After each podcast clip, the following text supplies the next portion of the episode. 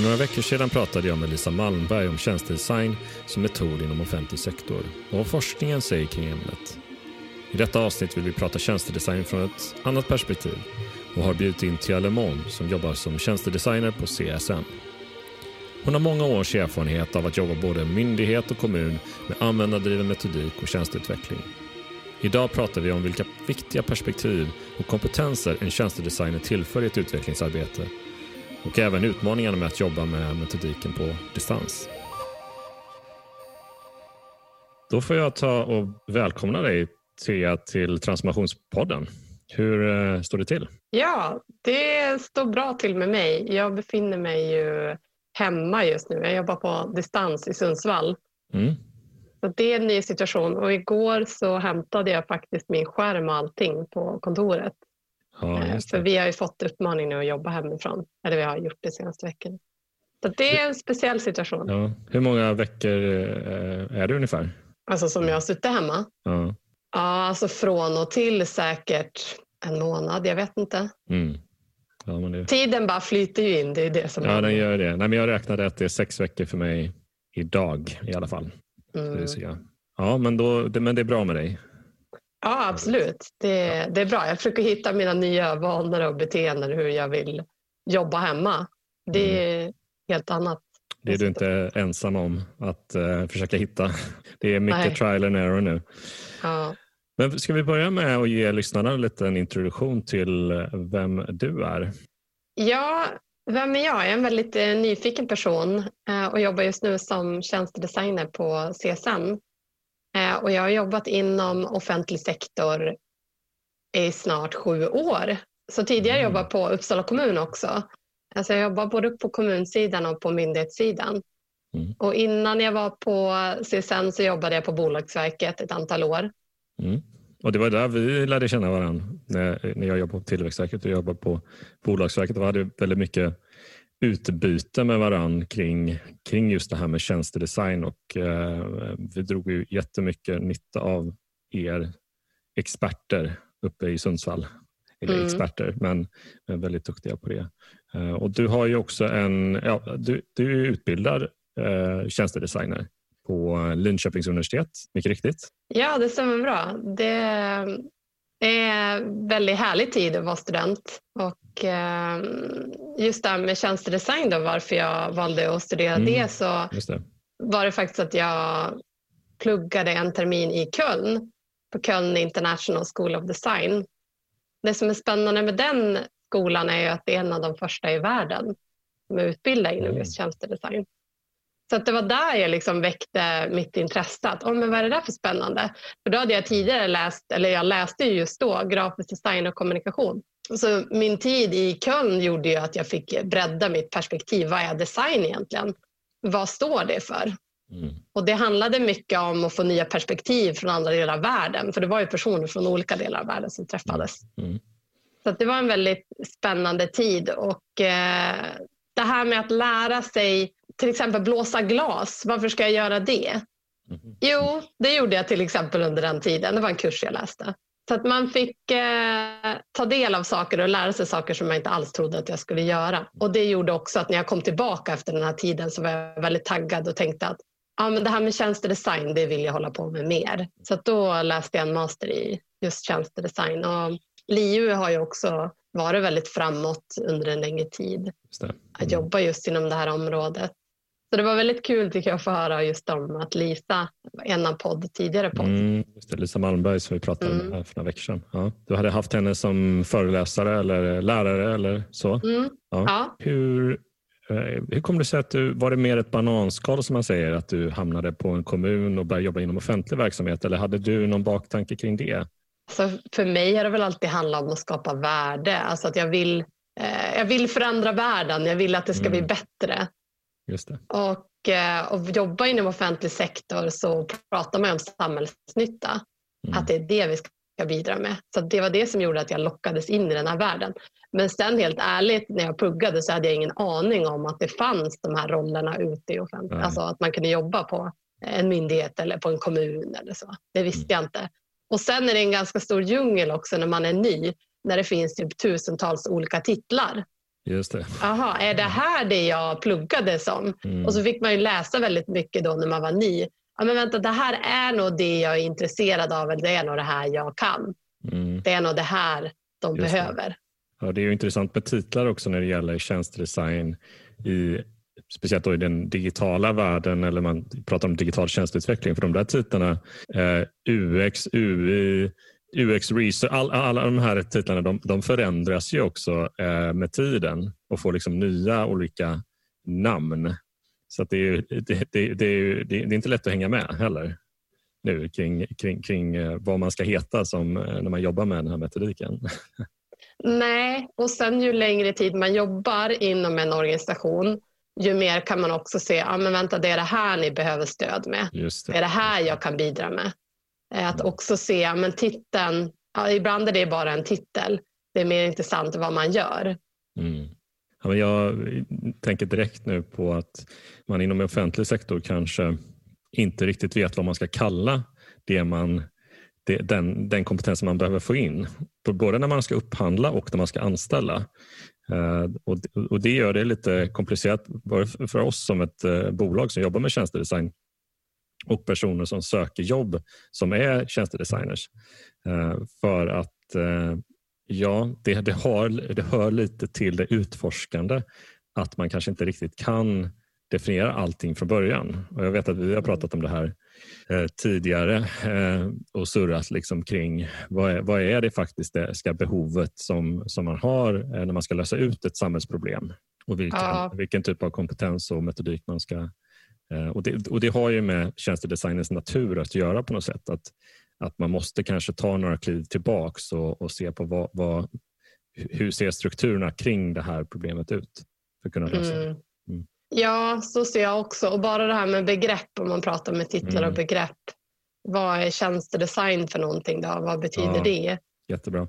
Och, och det begreppet på något sätt för mig så handlar det om att så bara i den situation vi är just nu, hur ska vi anta den här komplexa utmaningen när, som vi befinner oss i? Då behöver vi stöd, vi behöver verktyg, vi behöver metoder, vi behöver mindset för hur vi ska jobba och då är tjänstedesign jättebra i den situation vi är i. Och jag tror att det är liksom att vi ska försöka att på något sätt se vad är det vi behöver eh, åstadkomma och ta till de metoder och verktyg vi behöver då. Sen om vi kallar det tjänstedesign eller vad vi vill kalla det. Men det är att vi testar och experimenterar. Ja, precis. Och se till helheten tänker jag. Att man också ser till att man skapar värde både för företaget och för kunden. Du, när du då började jobba på en eh, först en kommun men också en, en myndighet. Hur var det eh, hur var det med dina, dina förväntningar och vad, vad, vad var dina första intryck så att säga? Eh, att, att börja jobba i den typen av verksamhet med den rollen? Ja, för mig handlar det mycket om att upptäcka. Det var det jag fick göra, på tal om det är det man är skolad i när man jobbar som designer och gör research. Mm. Vad är det här för organisation? Hur pratar de? På vilket sätt kommunicerar de? Hur är strukturen? Hur jobbar man? Vilka verktyg har man mm. idag? Mm. Så att för mig, och det är någonting jag bär med mig som en del i min verktygslåda i alla organisationer jag går in i, men speciellt när jag var ny. Vad, är det, vad gör man just i den här organisationen? Så för mig som ny så handlade det också om att jag fick en uppgift att jag skulle vara en expertroll. Nu kommer, mm. som när jag började på Bolagsverket, då, nu kommer hatten användbarhetsanalytiker. Just det. Och det begreppet hade jag ju aldrig hört innan Nej, jag fick ju, den titeln. Precis, där har vi en annan titel som är, ja. vad sa du nu, använd...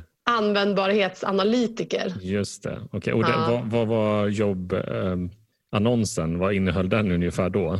Ja, men det var ju att göra de här bitarna som man gör kring UX eller kring design. Att okay. du ska ta reda på användarnas behov, du ska fra, ta fram prototyper, du ska ta fram koncept mm. och iterera dem vidare. Liksom.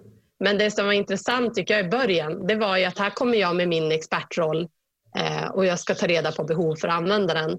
Och sen bredvid mig har jag andra experter, en jurist som ska ta reda på regelverken och jag har en utvecklare som tar reda på eller en arkitekt som har sina perspektiv mm. och en verksamhetskunnig.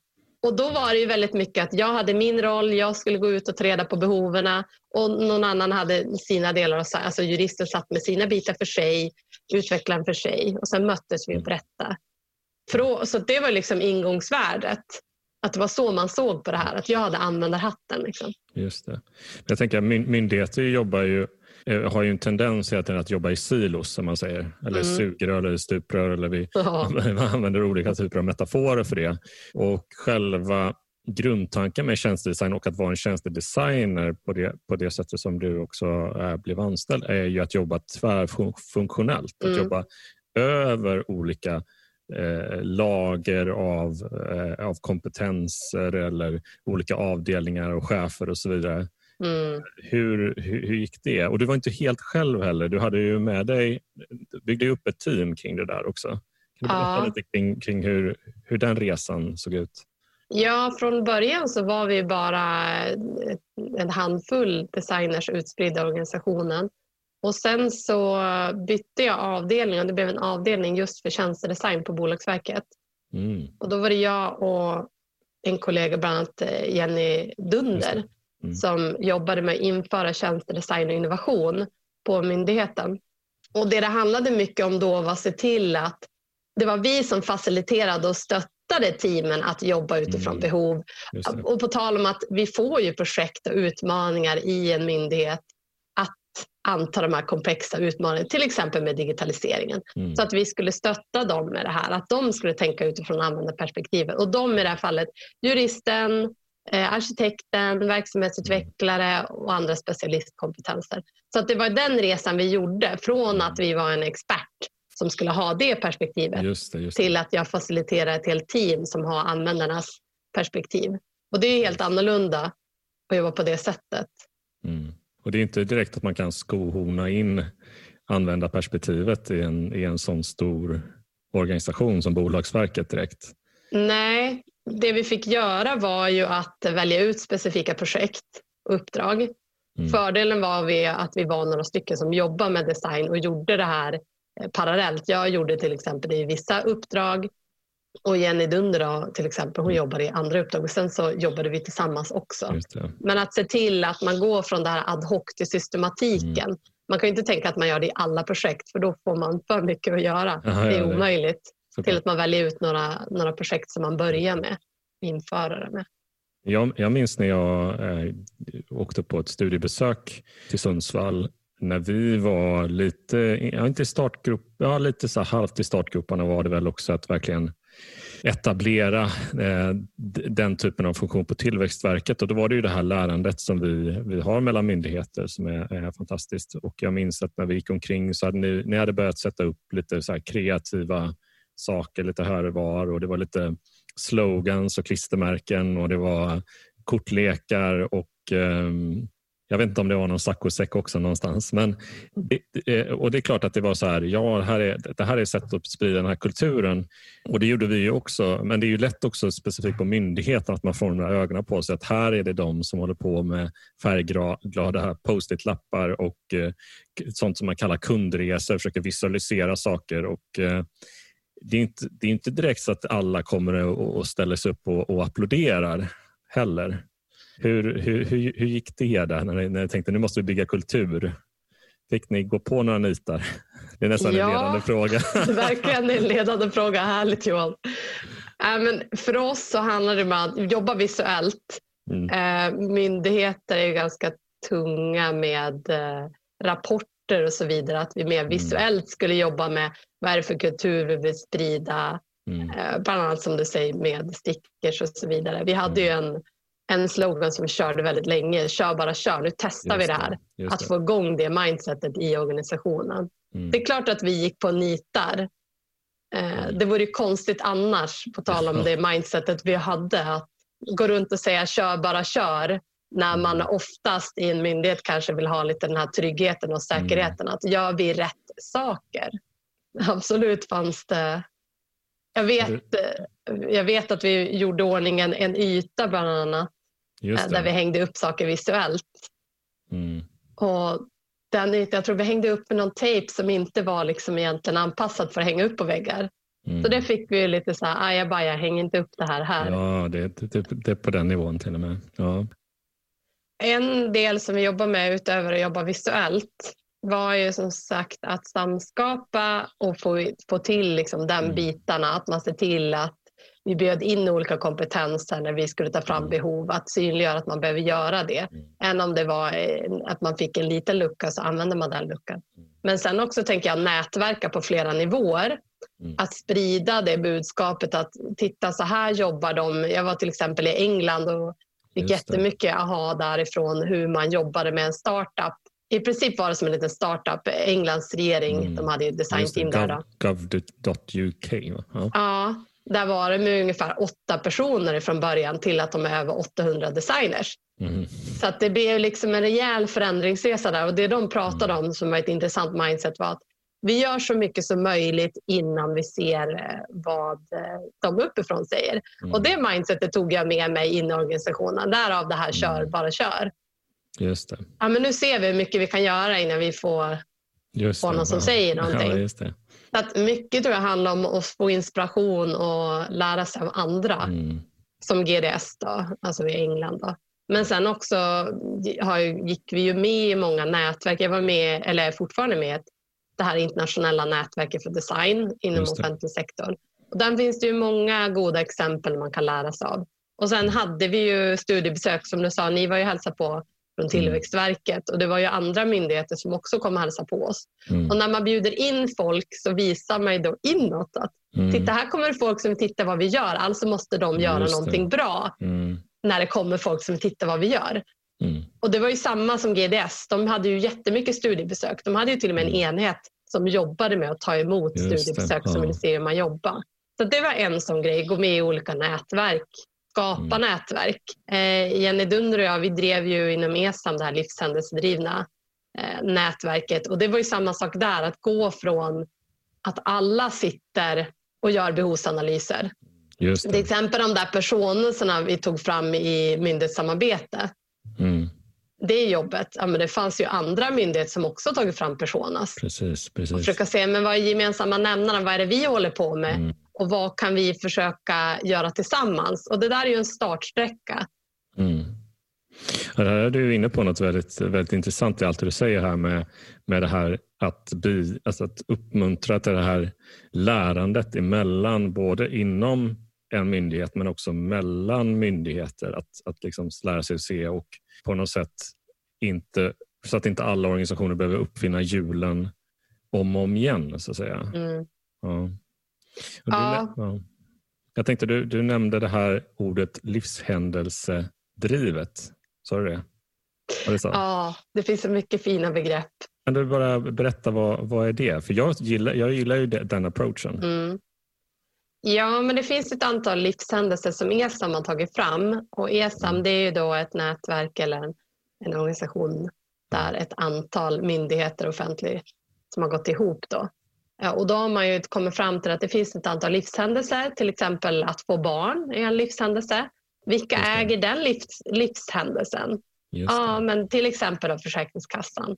Att starta företag är också en stor händelse första mm. gången man gör det. Mm. Det är Bolagsverket till exempel som handlar om den. Mm. Eh, livshändelsen att bli pensionär. Alla de här händelserna, att börja studera, mm. som nu när jag är på CSN, den livshändelsen. Och I varje livshändelse så finns det också ett antal olika aktörer.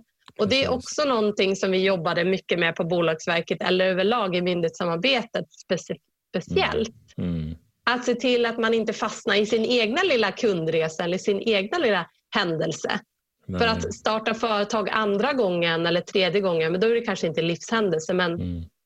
att se till vilka andra aktörer ingår i att börja mm. plugga till exempel. Mm.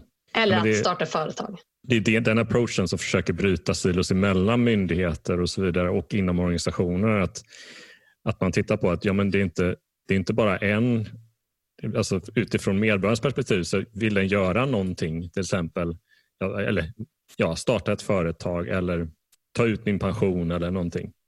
Eh, men från statens sida så är det ju kanske då en kommun som är involverad, det är en myndighet som är involverad, det är något tillstånd som är involverat. Och när man ser det mer som en livshändelse, att man försöker se det utifrån medborgarnas perspektiv, då måste de organisationerna samverka för att lösa ut det problemet på bästa möjliga sätt. Eh, och, och där kan skapas väldigt mycket innovation också genom att man korskör olika typer av tjänster och, och kan skapa någonting mycket bättre än, än, än som var tidigare.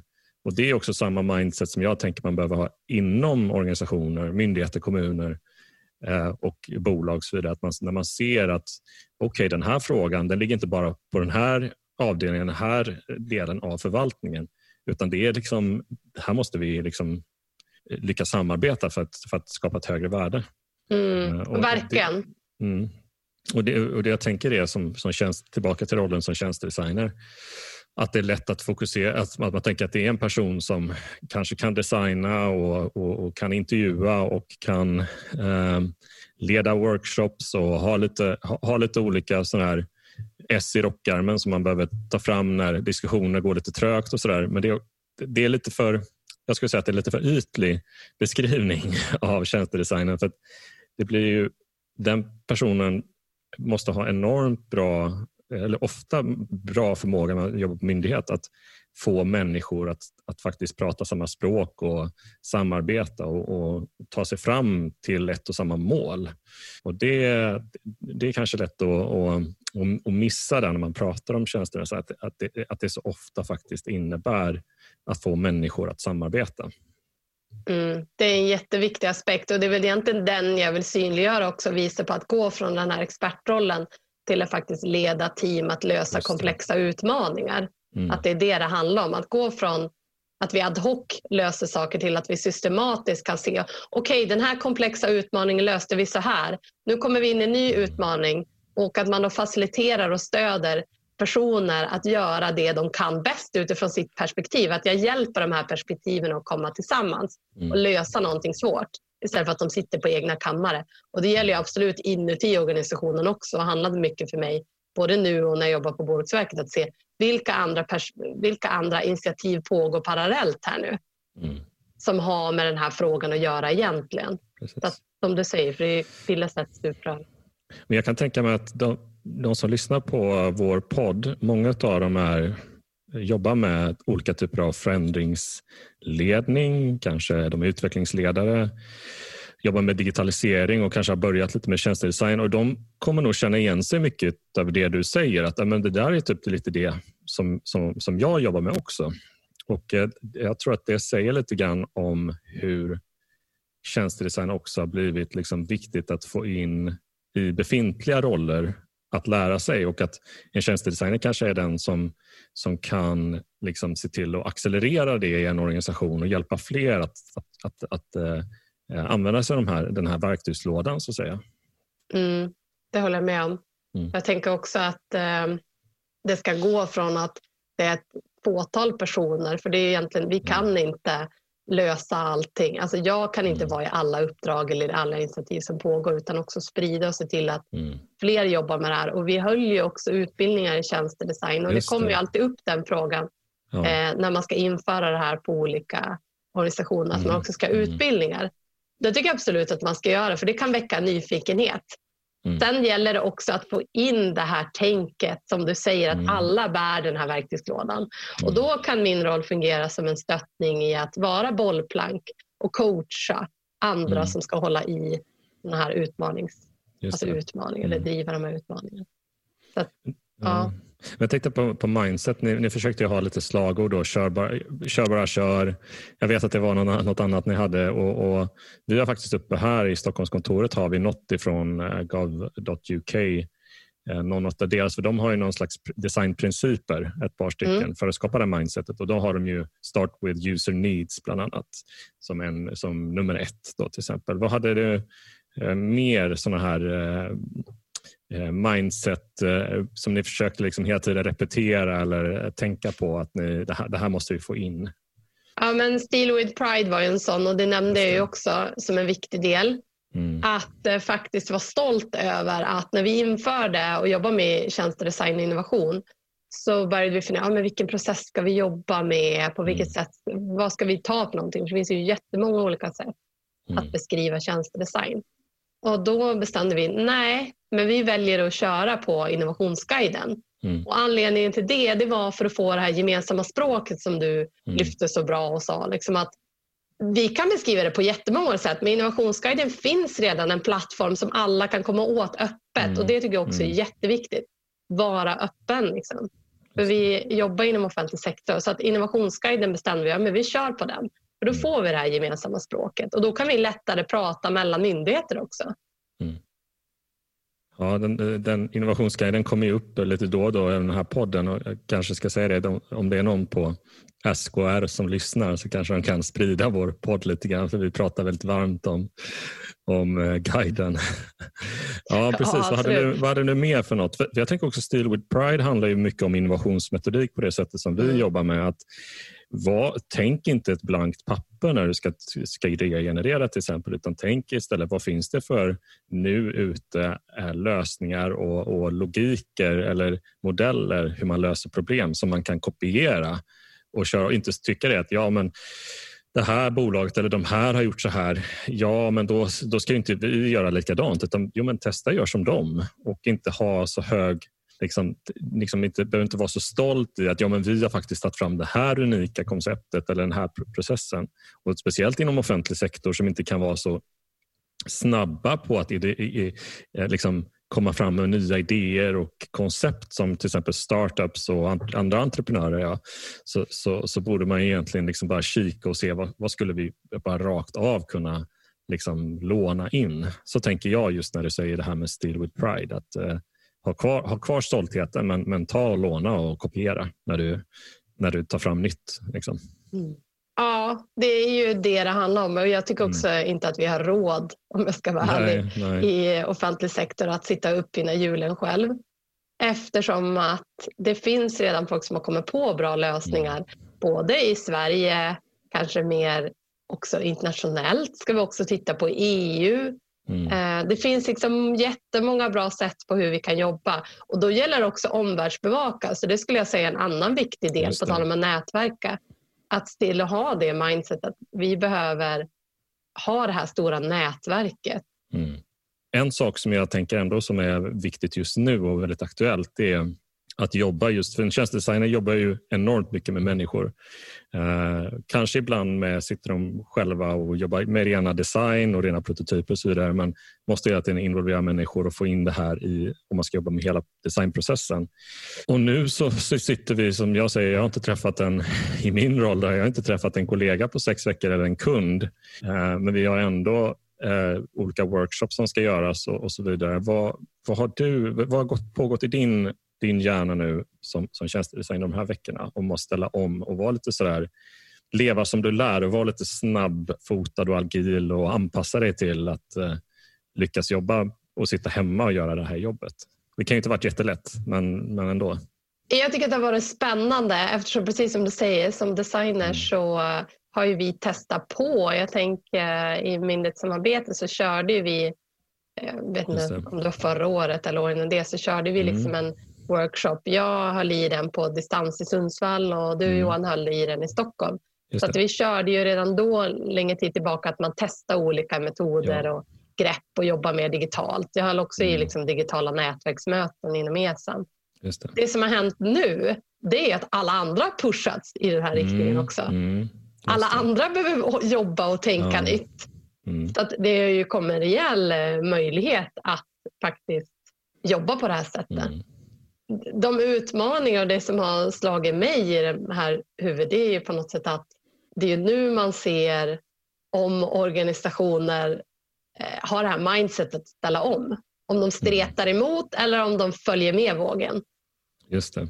Mm. Och där tycker jag att jag har sett liksom positiva grejer från den organisation jag är nu. Att när jag började sitta för några veckor sedan då sa man men sitt på VPN och så insåg de oj då, det här VPN det täcker bara för ett inte så många användare som då krävde. Om det, vi hade mm. kanske 100 licenser eller någonting, jag vet inte.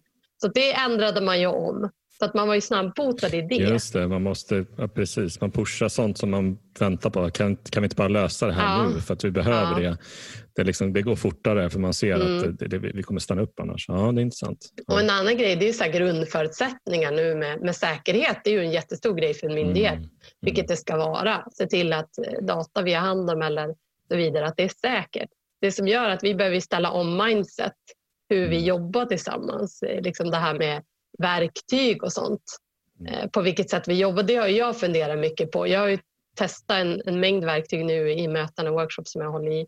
Och då är det också det här att vi behöver fundera kring regelverk. Ah, det har jag tänkt mm. mycket på. Alltså, alla individer, vi är ju det som har hänt nu under den här tiden. Mm det har ju gjort att man personligen har drabbats och det blir ju väldigt ja. viktigt för en själv. Tidigare har det varit så här, men vi ska jobba med digitaliseringen. Just det, just det. Just det. Vi har det, det hamnar oss. i ens knä. Liksom. Ja. ja. Och då blir det ännu mer viktigt. Men samtidigt så behöver vi också se hur kan vi jobba med regelverken för att snabba på så att vi kan jobba smidigare det, mellan varandra på mm. myndigheten. För det har väl jag upplevt att det finns ju en vilja att man ska kunna dela liksom, när man jobbar med varandra, alltså smidiga, bra verktyg. Men det kanske just nu så kanske vi inte riktigt får använda dem riktigt som vi skulle vilja använda Nej, dem. Precis. Och det finns ju naturligtvis enormt mycket verktyg att använda sig av för att göra workshops digitalt. Eh, exempelvis Mural, Miro som är ungefär som en digitaliserad workshopyta där Eh, fysiska post-it-lappar blir istället eh, eh, visuella kort och så vidare. Men det är ju också en tröskel att ta sig in i de här olika typerna av verktyg om man inte är van vid det. Och Här tänker jag att vi som faciliterar, vi som är tjänstedesigners, vi behöver ta lite mer av jobbet nu och se till att när vi gör den här eh, övergången till att bli mer digitala och göra de här processerna mer digitala eh, och vi kanske kommer jobba på lite olika ställen runt om i landet. Vi kanske inte vill, kan resa till en enda plats och, och göra en workshop. Att rollen som eh, facilitator, tjänstedesigner eh, den blir ännu viktigare för att eh, liksom slussa personer in i eh, kreativa digitala processer. Hur, hur, hur, tänker du där lite grann på, på, på din roll och, och det du kan eh, hjälpa till med? Ja, men jag tyckte en viktig poäng som du pratade om att vi behöver facilitera ännu mer när det blir mm. den här digital, när det just blir just den här situationen. Att se till, för annars som du säger så säger jag till när man håller i workshop att man ska komma in med sitt perspektiv. Man ska inte behöva tänka över vilka mm. verktyg man ska använda eller att man ska behöva fundera så mycket inför utan jag ska mm. stötta dem och leda dem framåt. Och det är ännu mer viktigt nu när vi säger att vi ska mm. jobba mer digitalt och vi workshoppar och vi leder processer digitalt. Mm. Så att det gäller liksom att tänka flexibelt i det. Det handlar lite grann om att se möjligheterna. Folk är nyfikna nu, mm. som jag säger. Det Just går ju att, om folk har motsatt, äh, jag vill inte testa det där, utan nu vet de att äh, vi måste testa det för, mm. för vi är inne i någon ny situation. Så att det finns en öppenhet att det här med go good nuts är ju mm. jätteroligt mm. uttryck. Eh, som eh, jag lärde mig nu när okay. jag har gått en, en kurs på driva driving transformation. Ja, okay. och, och den, den kursen handlar ju om att driva transformation. Och Go Good Nuts, det är helt enkelt att nu har vi tillfälle att göra helt crazy grejer. Just det. Jag såg på Zoom nu någon som hade lagt ut, vill du ha en lama i mötet? Då kommer in en lama. Eh, du kör yoga digitalt. Igår hade jag en mm. digital AV. Eh, vi körde poker fysiskt och digitalt igår med AWn. Det finns liksom möjlighet nu att göra helt crazy grejer och det ska vi nyttja. På tal om att testa nya verktyg och nya sätt att jobba. Så det är en bra möjlighet så. Och sen tänker jag också att eh, eh vi på något sätt eh, ska se den roll vi har som designer. Hur kan vi nyttja det på bästa sätt digitalt? Jag fick bland annat en sån aha moment. Jag sa ju det till dig tidigare att jag har aldrig tänkt att man kan köra musik i en digital workshop. Nej, just det. Nej. Nej, inte, bara, nej, men det kan vi inte köra digitalt. Liksom, för det, det, går ju inte. Men så hade jag det i den här kursen. Mm. Var, hon körde igång musik när vi hade reflektion. Mm. Då slog det mig, det är klart du kan ha musik. Ja. det är jätteskönt. Och det är till och med bättre, för de som inte vill ha musik, de kan ju bara stänga av musiken. Ja. Alltså det gäller ju liksom att hitta ja, så, precis, men, precis. sätt att jobba. Exakt. Ja, det är jättebra. Jag, jag hade en, en av, avslutande fråga som, som nästan har svarat sig själv här de sista minuterna. Det är varför ska man anställa en tjänstedesigner eller ta in en tjänstedesigner? Och just nu så tänker jag det att just i det här läget vi är nu när allting digitaliseras, vad är inte bättre än att ha någon som får fokusera helt och hållet och vara experten eh, på, på, på att liksom föra över, leda oss in i det här nu och kunna vara kreativa och kunna liksom skapa och använda metodik och, eh, och jobba användardrivet. Eh, för även om organisationerna har lärt sig så är det här också en stor omställning och då, då är det ju fantastiskt att ha en person som som CSN har dig då exempelvis, eh, som, kan, som kan ta liksom den, den delen och bara liksom finnas till hands och, och eh, slussa människor eller liksom leda människor genom sådana här typer av kreativa processer och, och göra det digitalt. För där tror jag nog många känner sig väldigt eh, osäkra just nu. Eh, och, och, och jag, jag, jag, tror det visst, som sagt, sagt var, Organisationer behöver lära sig tjänstedesign och den där kompetensen och mindsetet behöver sprida sig. Men man kommer aldrig bort ifrån att, att eh, vi också behöver antingen att man, man har anställt eller att man, man har bra byråer, man köper in tjänster som är både eh, UX-design, eh, user research, eh, eh facilitering och eh, liksom, eh, kunskapsöverföring i de här frågorna. Eh, och när vi är just i den här väldigt, väldigt digitala perioden just nu så, så är det, det, det, är mer, mer användbart än någonsin att ta in den hjälpen än att försöka klura ut det själv. Det, då, då tror jag man tappar ganska mycket timmar. Ja, mm. Jag tycker också bara som en så slutkommentar. Vi hade för några veckor sedan så jag är också med i något som heter One Team Gov. Just det. Som är mm. rörelse, en gräs, gräsrotsrörelse som är då, du kan vara, det viktiga är inte vilken organisation jag är ifrån. Jag säger egentligen inte att jag är från CSN, men nu råkar jag ha de kunskaperna som jag kan föra in i, i Wanting Gov. Då. Mm. Och det den är till för det är att man tillsammans ska kraftsamla både myndigheter och privat och andra organisationer. Mm. Att man ska försöka hitta lösningar och idéer på hur vi kan förbättra tjänster för, mm. för samhället.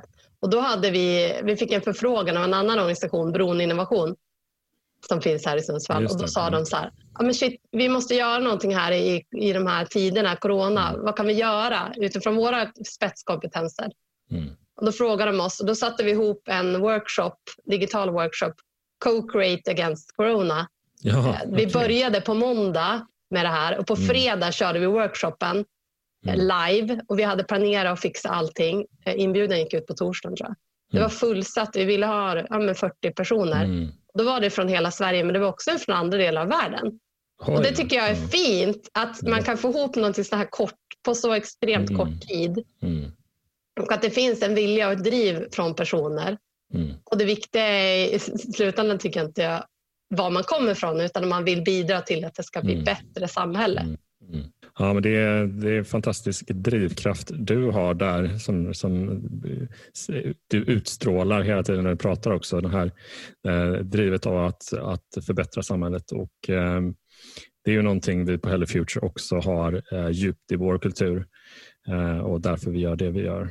Ja, men jättefina sista ord kan man ju säga då eh, så får vi kanske återkomma till dig till Alimon eh, vid ett eh, framtida tillfälle och prata om annat. Vi har ju massa saker som vi skulle kunna gräva ner oss i men eh, det här är en bra introduktion till, eh, till dig och till eh, i alla fall en erfarenhet av att jobba som tjänstedesigner på en myndighet eller inom offentlig sektor. Mm. Så, Tack så jättemycket. Ja. Kul att få vara med.